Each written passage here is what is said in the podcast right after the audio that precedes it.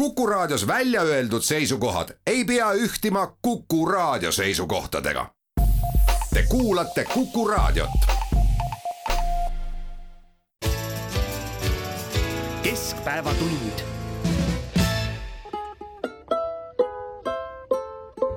kel antikehad on, see sõidab mere taha, kel antikehi pole, see läheb enne maha. kel antikehad on,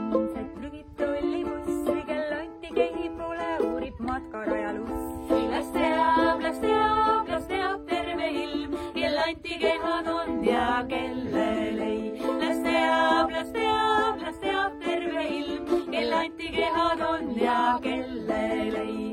kel antikehad on, see peab end teistest paremaks, kel antikehi pole, see valetab end vanemaks. kel antikehad on, see lipud täies mastis, kel antikehi pole nagu Juala istub kastis. las teab, las teab, las teab terve ilm, kel antikehad on ja kellel ei. las teab, las teab, las teab terve ilm, kel antikehad on ja kellel ei. kel antikehad on, see sõpradega viinis, kel antikehi pole, see istub karantiinis. kes antikehad on, see vaevastab, kuid tahab, kel antikehi pole, surub vaevastuse maha. las teab, las teab, ja kellel ei. las teab, las teab, las teab terve ilm, kel antikehad on ja kellel ei. kel antikehad on, see sätitud ja moes, kel antikehi pole, käib dressidega poes. kel antikehad on, sel pidudest pohmell, kel antikehi pole, ida testimisest hell. las teab, las teab, las teab terve ilm, kel antikehad on ja kellel ei. Teab, las teab, las teab terve ilm, kel antikehad on ja kellel ei. kel antikehad on, see laulab külakooris, kel antikehi pole, kirjab üksi oma hoovis. kel antikehad on, teeb võõrastega sugu, kel antikehi pole, refreshib digilugu. las teab, las teab, las teab terve ilm, kel antikehad on ja kellel ei. Las teab, las teab, las teab terve ilm, kel antikehad on ja kellel ei. las teab, las teab, las teab terve ilm, kel antikehad on ja kellel ei. Hommista Taliman, Tallinni banaana. uudiseid koduvabariigist. tere, siin Kuku raadio ja Keskpäevatund, head uut aastat kõigile meie kuulajatele. Tallinna stuudios Ainar Ruussaar, Marek Strandberg ja Priit Hõbemägi.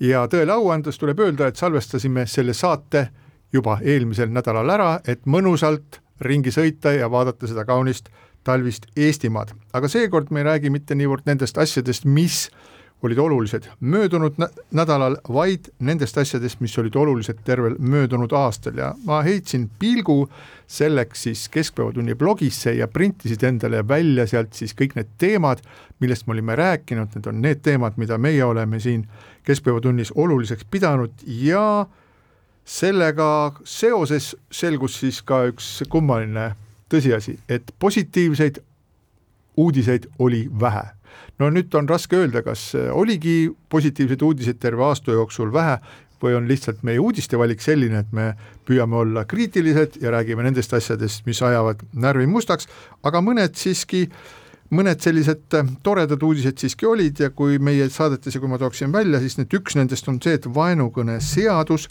millest räägiti üsna palju, läks kalevi alla et teise pensionisamba rahad jõudsid omanikene, omanikeni ja sealt osalt ka börsile ja valiti uus president ja ma pean ütlema, et äh, enam-vähem sellega need head uudised meie saate teemade valikus ka minu jaoks piirdusid. no ega, ega vist ei olnud võimalust, et meile presidenti ei valita, ehkki äh, meenutan teile, mehed, et aasta alguses äh, oli ka Riigikogus neid poliitikuid, kes äh, pandeemia lukustamise ajal ütlesid, et kohalikud valimised tuleks edasi lükata. kui te mäletate, oli selline oli, oli. lühike diskussioon.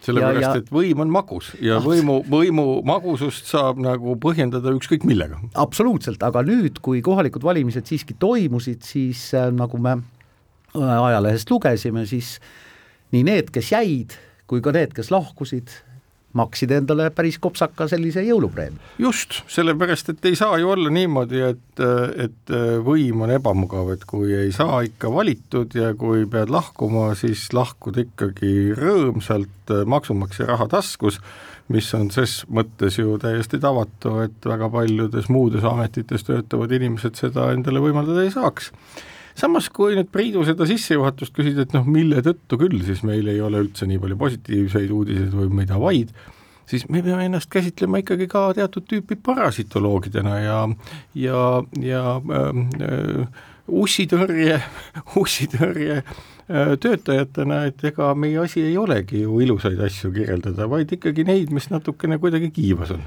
Vastab tõele, nüüd parandaksin mina ka sind natukene, kui sa ütlesid, et äh, kuidas siis saab riigi laua tagant lahkuda, ilma et taskud oleksid äh, nodi täis, siis äh, kõige paradoksaalsem selles parasitoloogia diskursuses ongi see, et inimesed ju ei lahku, nii nagu möödunud nädalal kirjutas Postimees, on väga paljudes omavalitsustes toimunud siis selline ringmäng a la Putin ja Medvedjev, kellest saavad Medin ja Budvedjev ehk äh, vallavolikogu esimees saab siis äh, tegevjuht ja tegevjuhist saab volikogu esimees, kumbki saab kopsaka preemia, millest kõige suuremad võivad ulatuda siis kuni poole aasta palgani. kuni kahekümne viie tuhande euroni, no väiksemates kohtades võib-olla siis ka võib-olla kuue-seitsme tuhande euroni, aga keegi ei lahku, inimesed jäävad ikka sinna edasi istuma, enne, eelnevalt on nad endale võtnud vastu siis ähm, otsuse suuremat palka maksta järgnevate aastate jooksul ja siis võtavad vastu veel kuue kuu või poole aasta suuruse eh, nii-öelda preemia. Ja, ja ausalt öeldes see teeb mind väga kurvaks ja täiesti, täiesti nõutuks, et kui ikka noh, sa saad aru, et istuvad inimesed seal, toredad inimesed koos, kümme, kaksteist tükki, arutavad omavahel, vot niimoodi, kuule, Marek, et äh, nüüd me oleme sinuga kohad ära vahetanud, et sina istusid enne aknapoolse mikrofoni all ja mikrofoni juures. mul on meeletu trauma sellega. just nimelt ja nüüd vahetame need kohad ära, et sina tuled uksepoolse mikrofoni juurde, aga sellega seoses esiteks paneks sulle kaks tuhat eurot juurde kuus ja siis selle kohavahetusega viisteist tuhat eurot sulle preemiat, aga sel tingimusel, et mina saan ka viisteist tuhat lepitud, Priit. härra Strandberg, härra Hõbemägi, kõik see, mis te kirjeldate, on seaduslik ei, ma tahangi öelda seda, et kui me vaatame jälle noh, tuues nüüd mõne positiivse tooni ka siin aasta alguses kohe möödunud aastat ja möödunud aastaidki meenutama, on ikkagi niimoodi, et ega noh, me ei saa ju Eestis enam rääkida mingist tõsisest organiseeritud kuritegevusest. autosid õhku ei lasta, äh, maju õhku ei lasta, no mitte väga palju, kedagi palgamõrvaga ei tapeta ja ka selline, selline asi, mida võib-olla mõni aeg tagasi oleks tulnud teha kuritegelikult, nende toimingute jaoks on loodud selline legaalne baas, äh, täiesti legaalne baas äh, ja öeldaksegi, et noh, nii peabki.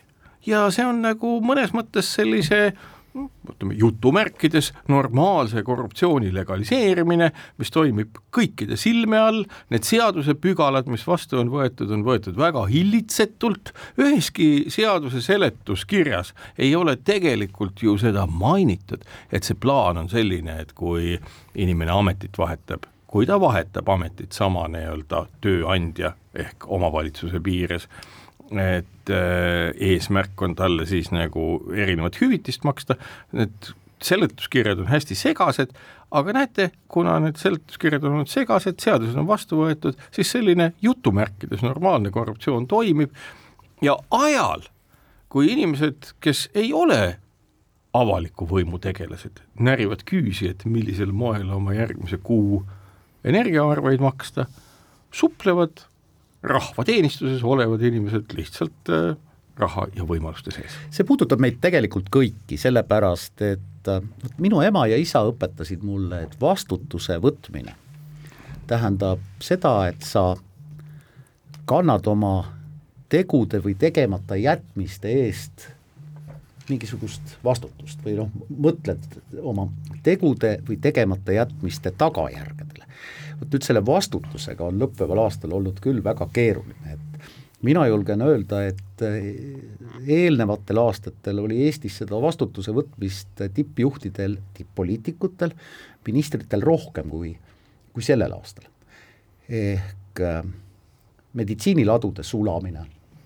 ja, ja kõik see on üks ja sama ahel äh,. Äh, vaktsiinihange Äh, see kõik algas tegelikult selle sotsiaalkaitse infosüsteemiga SKAIS kaks, kus, mis kukkus ka läbi ja kus ka keegi ei vastutanud, ehk siis tegelikult selline mõiste nagu vastutus, ehk siis oma tegude või tegemata jätmiste eest noh, vastutuse kandmine või nende tulemuste tunnistamine on kuhugi nagu ära kadunud no,. aga mida... võib-olla ma olen lihtsalt liiga vana ja, ja niisugune kibestunud vanamehe. ei, ei, ei ole, et äh, ma võin ennustada kunagi üheksakümnendatel aastatel sai vaadeldud järgmist nähtust, et kui taas oli mingisugune juhtum politseinikuga, kas ta oli äh, kuhugi või üldse riigiteenistujatega, milliseid niisuguseid karme juhtumeid ja korruptiivseid juhtumeid oli siis palju, siis üllatuslikult pärast seda kasvas ka koheselt, ütleme, liiklusrikkumiste ja muude selliste lihtsamate väärtegude hulk ühiskonnas. ja ega praegu on sama lugu, et noh, et ega äh, ju asjaolu, mida me saame ennustada, noh kui kehastume siis mõneks nii-öelda astroloogiks, vaatamata tähekaarte, aga vaadates neid sündmusi, mis möödanikus olnud on, siis ega ju asjaolu, et kui munitsipaalpolitsei ametnik Tallinnas vindisena põhjustab avarii, ta sunnitakse oma positsioonilt loobuma, aga saab hea töö eest veel hüvitist. loomulikult ühiskond võtab kõik need märgid vastu ja mida me saame ennustada, on see, et õiguskuulekus ühiskonnas kõikide nende sündmuste näol aina väheneb ja väheneb, nihverdamist tuleb juurde.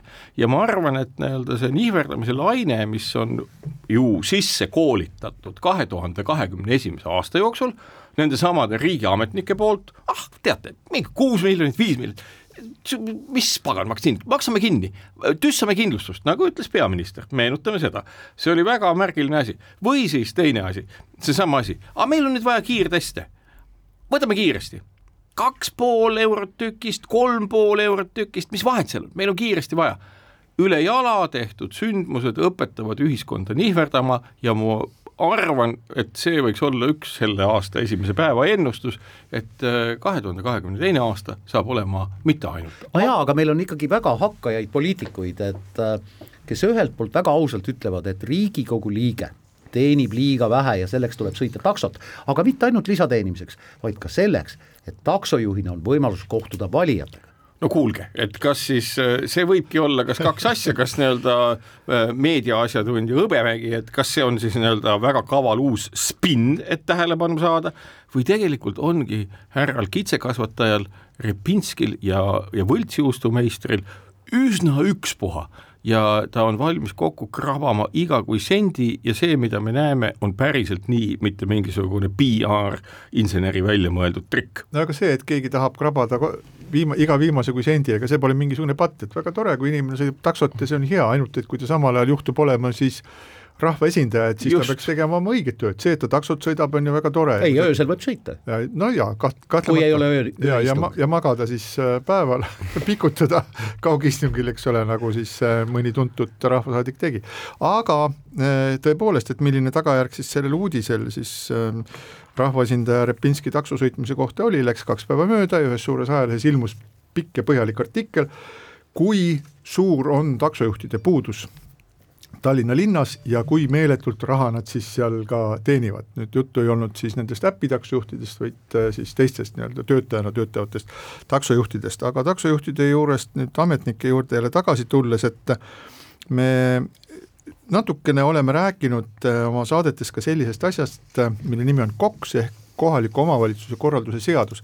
ja kõik need äh, probleemid, millest me rääkisime, kuidas endale maksta palka juurde, kuidas vältida seda, et kohalik omavalitsus kohtade lihtsalt niimoodi Krõlovi farmi taolise kohtade vahetuse juures siis maksab seal mõnes kohas koos maksudega seal võib-olla üheksakümmend, kaheksakümmend tuhat eurot nii-öelda oma töötajatele lisaks, ilma et keegi peaks siis näppugi lisama, et neid kõiki asju saab siis sellesama kohaliku omavalitsuse korralduse seadusega reguleerida ja see seadus minu meelest praegu on mingisugusel järjekordsel läbivaatamise või koos, kooskõlastamise, kooskõlastamise ringil, et neid tuleks sinna sisse panna. Ja nüüd äh, viimane kord, kui ma sellest teemast lugesin, siis äh, keegi järjekordne ametnik, kes ko- konkreetselt selle seadusega tegeleb, ütleb, et ei, et meile selliseid äh, soovitusi küll ei ole tulnud, nagu, nagu siin ajakirjandus räägib, et võiks nagu ära võtta siis iseendale palga määramise õiguse. Ja minu meelest nüüd see ongi see, et, et mida siis äh, ametnik ootab, et kuskilt siis äh, lehekene peab talle lendama paberile kunagi, nagu kunagi Hardi Volmer laulis ja siis ta teeb midagi ära või on ka peas natukene oma mõistust, millega öeldakse, et jaa, aga see teema on tõenäoliselt äh, olemas, et see tekitab siis paksu verd ühiskonnas, me peaksime midagi tegema, et.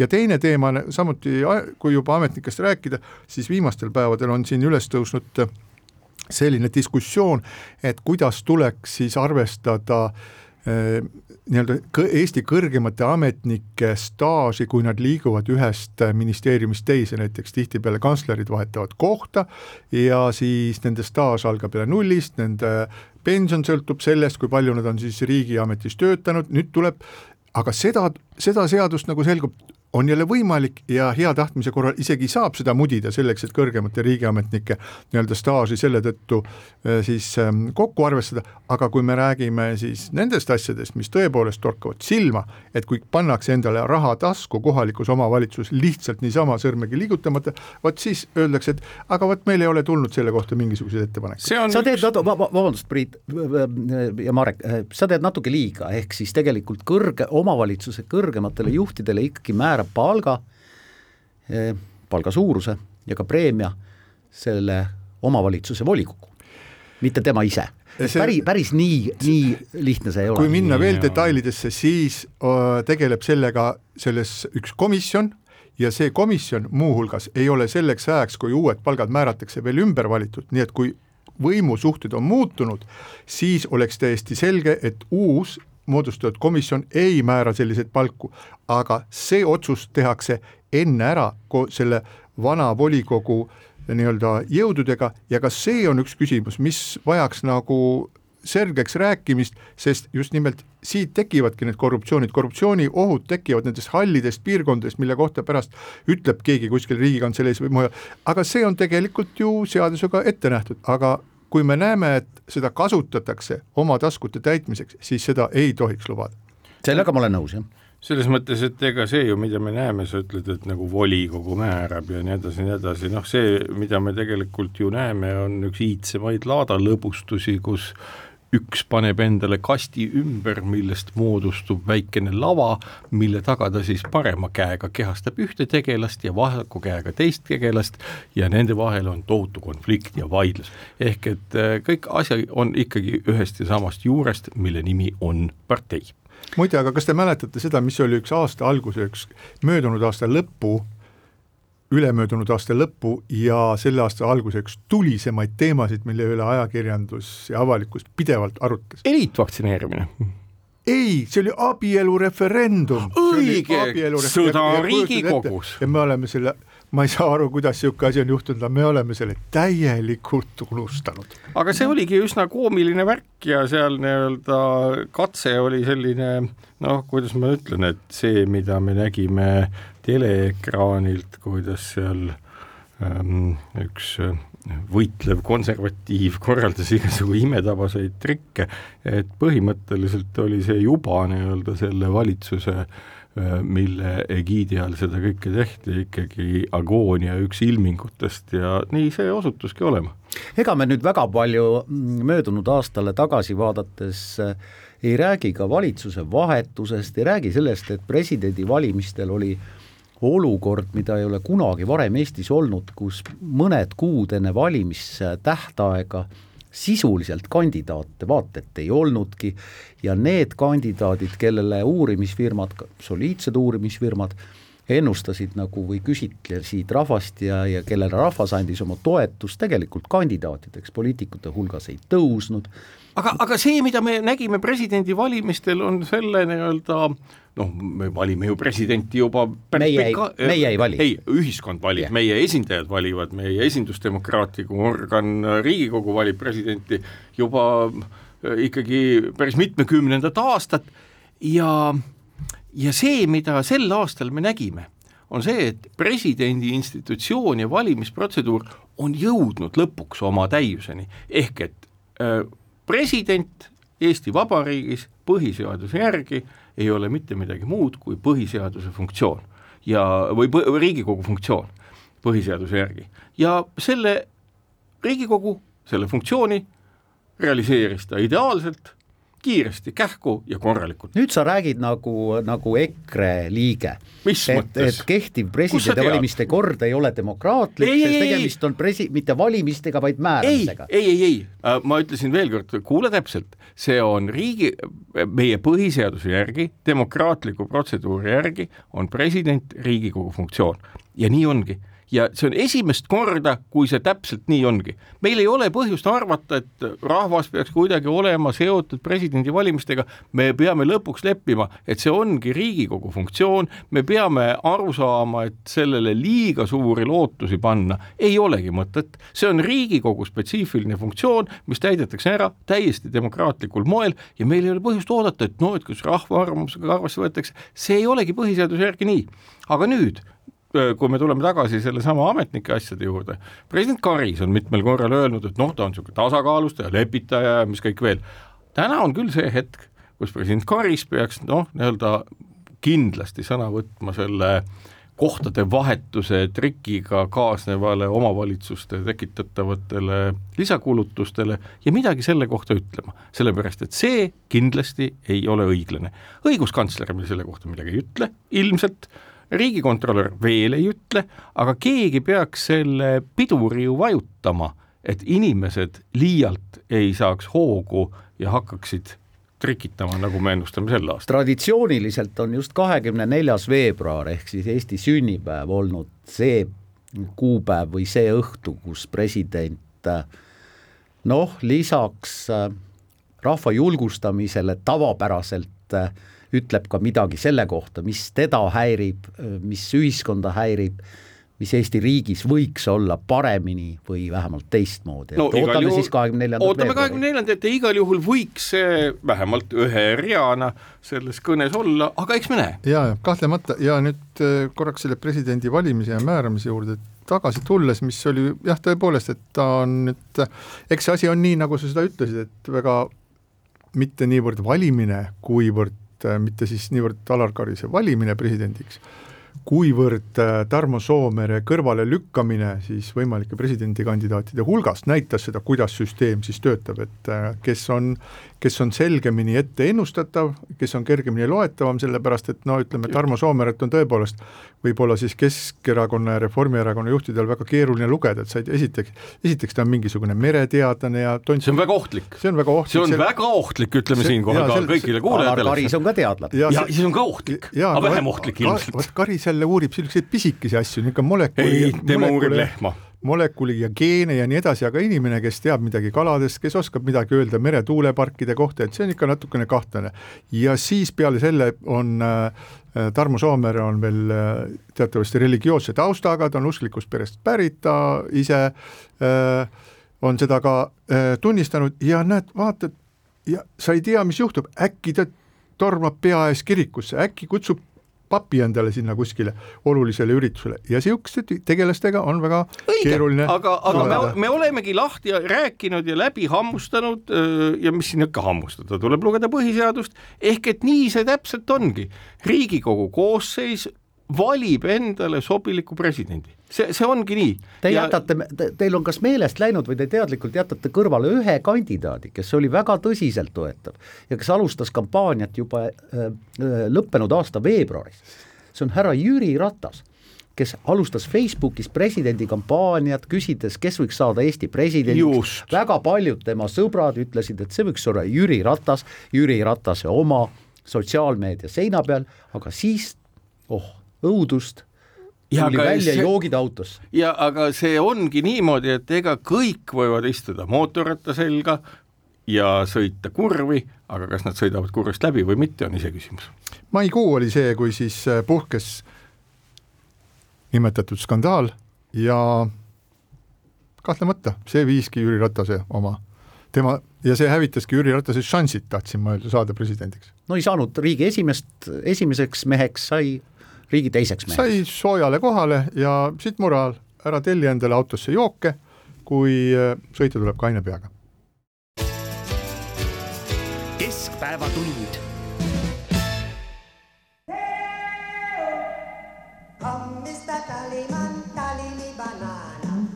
uudiseid koduvabariigist. ja Keskpäevatund jätkab, Ainar Ruussaar, Marek Strandberg ja Priit Hõbemägi Tallinna stuudios aasta esimesel päeval. ja räägime edasi asjadest, mis on meie meelde jäänud möödunud aastast. Ja üks neid asju, kui ma nüüd üldistatuna püüan seda väljendada, on üldine turvatunde kadumine, see on väga mitmes aspektis, et üldiselt me võime ju öelda nii, et milleks on inimestel üldse vaja riiki, et võiksime ju ka niisama kuskil metsas omaette asju ajada, võiksime majandada majandusüksuste kaudu, aga see, mida meie peame nii-öelda Eesti Vabariigina ja milleks meile seda on vaja, et see on mingi taol-, see on taoline organisatsioon, mis annab meile mitmesugust turvalisust, et see annab meile välisturvalisust, ehk et me suudame ennast kaitsta väliste vaenlaste vastu ja me elame sellises piirkonnas, kus selline geopoliitiline oht on alati olemas, ja riik peab meile pakkuma ka siseturvalisust, ehk et meil on tänavatel üsna julge käia ja selle kõige juures on ka nii-öelda meie majanduslik turvalisus, mis on meile vajalik selleks, et me saaksime oma igapäevaseid asju teha ja me ei peaks muretsema selle üle, mis siis homme saab, aga nüüd eriti selle aasta teine pool ja tegelikult algas see juba kuskil umbes septembrikuus, kui hakati vaikselt vihjama energiahindade võimaliku tõusu kohta ja tänaseks päevaks me oleme siis jõudnud sellisesse olukorda, kus see, see majanduslik turvalisustunne on väga paljudel inimestel kadunud, et ühest küljest me loeme nüüd, loeme väljaannetes seda, kuidas börsil toimuvad mingisugused eh, erakordsed tõusud, aga sellel ei ole tegeliku eluga praktiliselt mitte mingisugust eh, sidet. Ja siis me loeme seda, kuidas kuskil müstilises kohas, kuhu mina ei ole oma elu jooksul veel sattunud, tõusevad palgad kümme või viisteist protsenti, kuigi kui nüüd mõelda, siis eks nad tõusevad siis kohalike omavalitsuste juhtide ja kõrgemate ametnike. no mingi sektor neid kõrgitab, jah. no tont seda teab jah, aga ei ole mina küll näinud ühtegi inimest, kes üt-, vaataks mulle selge pilguga otsa, ütleks, näed, sain jälle seitseteist protsenti palka juurde. ja üldiselt on inimeste elu läinud palju viletsamaks, energiahinnad on muutunud kosmiliseks, need hinnad nüüd lähemate kuude jooksul jõuavad siis ka toida, toiduainetesse, mitmesugustesse kaupadesse, nii et me võime täitsa rahulikult öelda, et mis iganes me, mis iganes me ka ei loe nendest Eesti Panga kokkuvõtetest selle kohta, et majandus tõuseb ja ja lendab kümme protsenti või ei tea mida, aga see, mis me oma tegelikult oma rahakotis näeme, on, me näeme seda, et kulutused võtavad sealt üha rohkem raha ära, energiahinnad on väga kõrged ja kaubad kallinevad. no tegelikult on, on lisaks energiahindadele noh, see, selle energiahindade tõusu mõju on juba näha toidukauplustes mitmete kaupade puhul, äh, kolleeg ühest ajalehest tegi ka mm, vana aasta lõpus ühe kokkuvõtte sellest, et mõned äh, noh, vaata et esmatarbe toidukaubad on kallinenud viiskümmend protsenti. bensiin ei ole nii palju maksnud või kütus ei ole nii palju maksnud kui praegu, võrreldes siis elatustaset viimased kümme aastat, et cetera, et cetera, ehk siis tegelikult äh, selles mõttes on küll Priidul õigus, et, et kui ma öösel pimedal tänaval võin üsna julgelt käia, ehk siis tõepoolest selliseid pätte ja taskuvargaid ilmselt on jäänud ikkagi vähemaks, kui neid oli kümme aastat tagasi, siis siis see majanduslik toimetulek, mis puudutab erinevat hinnatõusu, ei löö enam ainult paljulapselisi ja, ja alla keskmist palka teenivaid inimesi, vaid see annab noh, tarbimisharjumustes tunda juba ka nendes inimestel, nendel inimestel ja nendel peredel, kes, kus kaks noh, lapsevanemat näiteks teenivad eh, keskmist palka.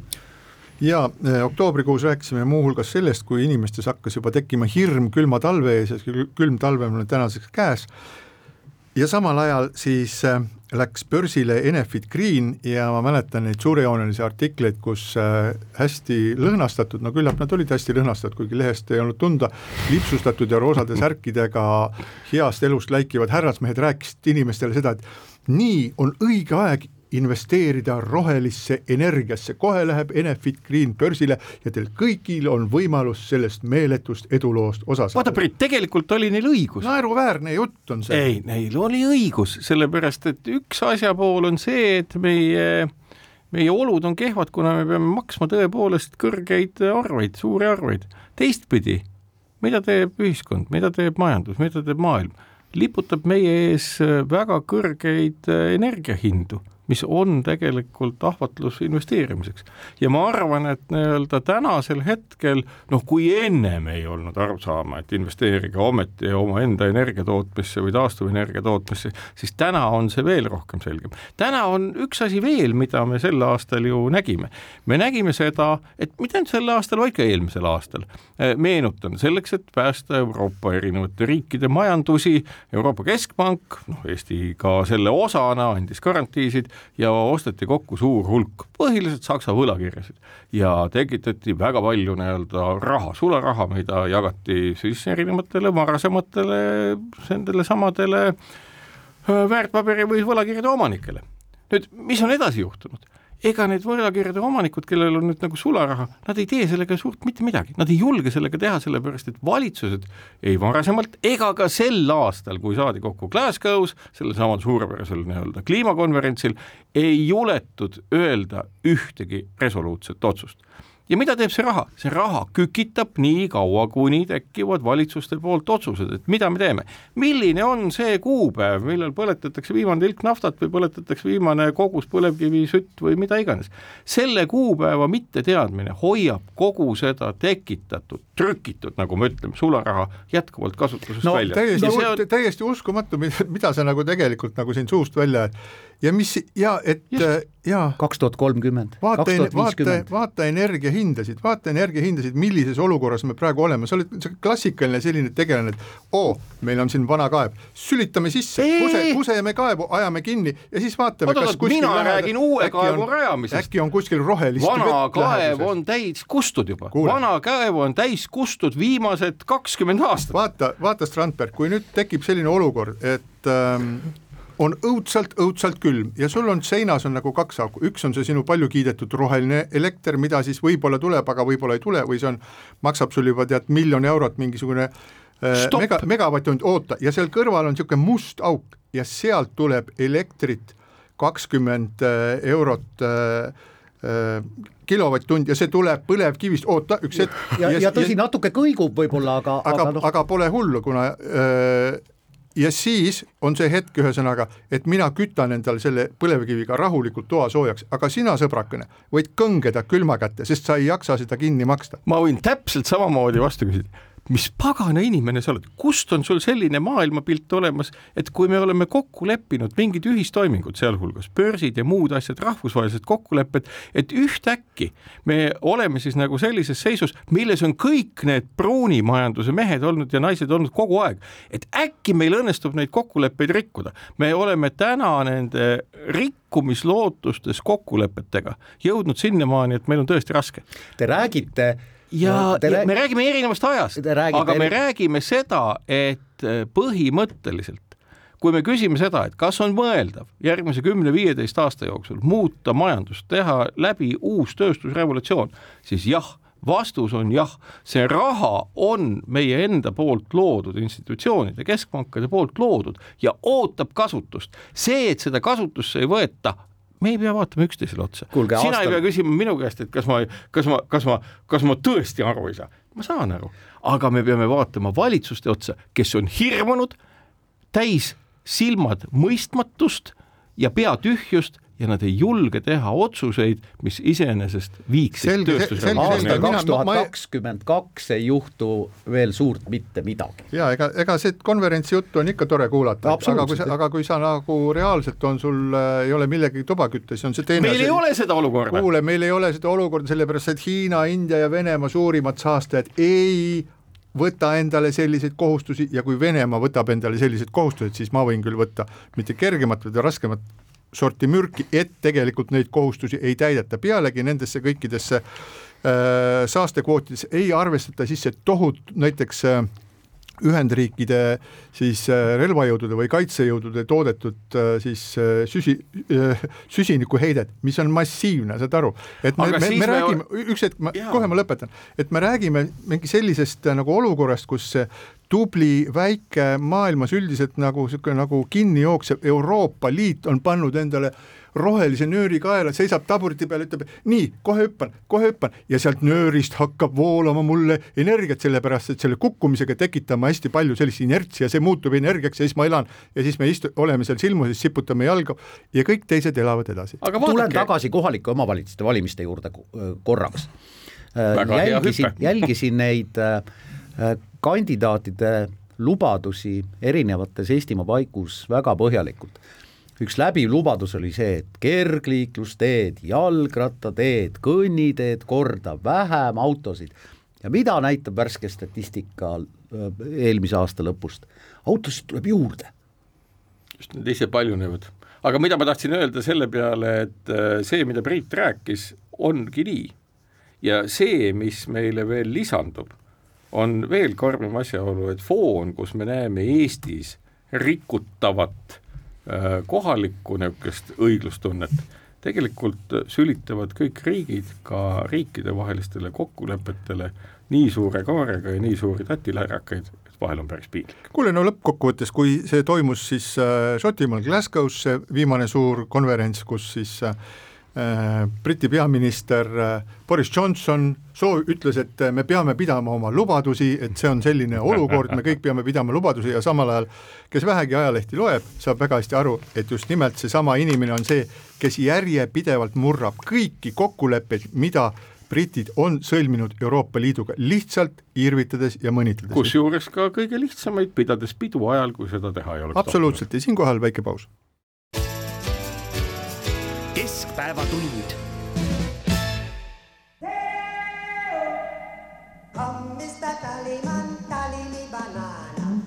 uudiseid koduvabariigist.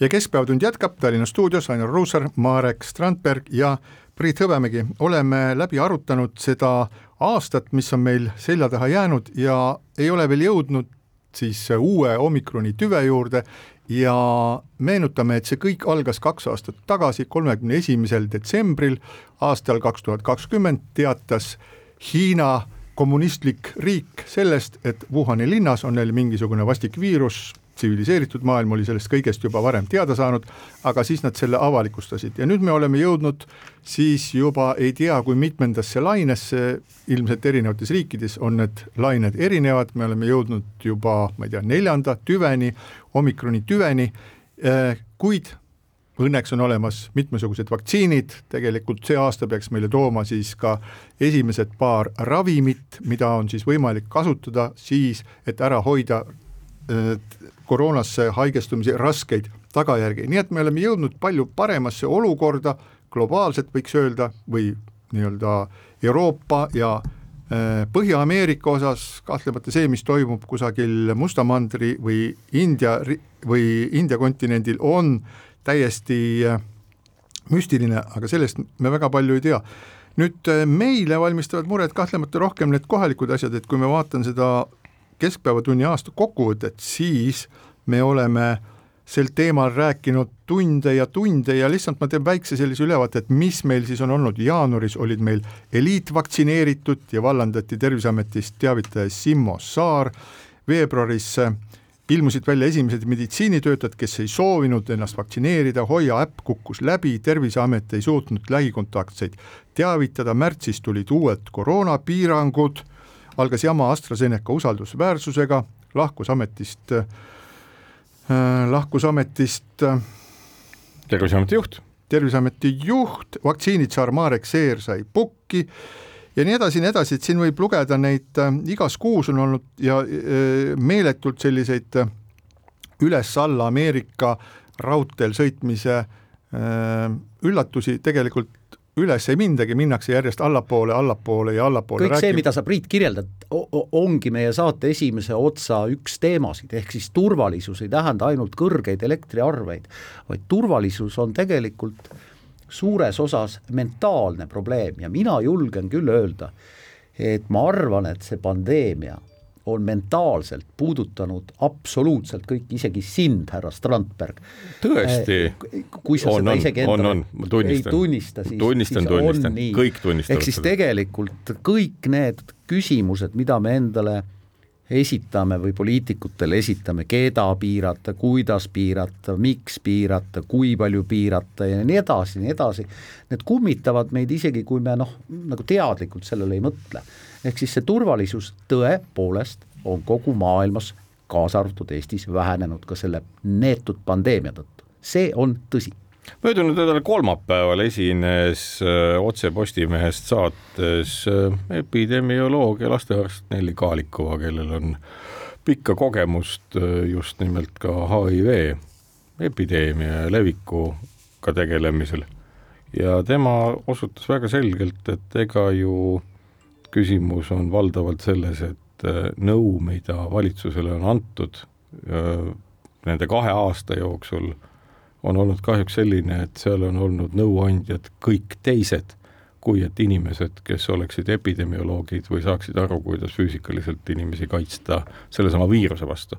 ja kaos, teadmat-, teadmiste kaos ja virvarr on kahjuks olnud see, mis on väga palju tekitanud laiemat probleemi, noh näiteks Kaalikova tõi välja, mida me oma saates oleme teinud ju, et kui kevade poole eelmisel aastal toimus see vaktsineerimistalgute voor, siis kõige suurem viga oli oludes, kus vaktsiini oli piisavalt, saata vaktsineerimiskeskuste ukse tagant ära inimesed, kes sinna olid vabatahtlikult tulnud. kuule, Marek, aga see kordus tõhustusdoosidega, kordus täpselt seesama jama, et, et kui, kui, kui äh, valitsejad ei õpi, miks siis nad on oma koha peal? sellepärast, et nad on lihtsalt äh, õppimisvõimetud valitsejad. mina küll ei julge öelda, et ametist äh, lahti lastud noh, pehmemalt öeldus, öeldud siis lahkuv teadusnõukoda ja selle liikmed ei, ei, ei andnud nüüd professionaalset teaduslikku nõu jaa, aga, jaa, aga küsimus on selles, et millist nõu, et me oleme loomulikult selle nõu tulemusena aru saanud, et viirus on väga keeruline. me oskame rääkida ja paljud oskavad rääkida viiruse ogavalkudest ja muudest valkudest ja RNA-st ja kõigest muust. aga küsimus on milles et probleem, millega me kokku puutume, ei ole mitte viiruse sisestruktuur ja selle nakatumise statistika peened nüansid, vaid epideemia, mis on hoopis teine asi. Ja Nelli Kaalikova mainis, et tänasel hetkel on Eestis ühe käe sõrmedel üles loetud hulk või loetav hulk epidemiolooge ja me ei ole olnud, nagu ilmselt ka paljud teised riigid, epideemiateks valmis. kaks tarka meest, seletage nüüd mulle üks asi ära, millest ma tõesti ise aru ei saa, aga teie kindlasti oskate mind aidata. umbes kakssada aastat tagasi, kui Venemaal puhkes kooleraepideemia, tekkis massiline liikumine, põletati haiglaid isegi äh, löödi maha meedikuid, sellepärast et nemad olid selles koolera puhangus süüdi, ehk siis tekkis tohutu mass inimeni, kes, inimesi, kes ründasid täiesti vale rühma, süüdistades neid kooleraepideemias. ei olnud Facebooki, ei olnud sajaprotsendilist kirjaoskust, kirjaoskus oli kuskil kuuskümmend või sinnakanti.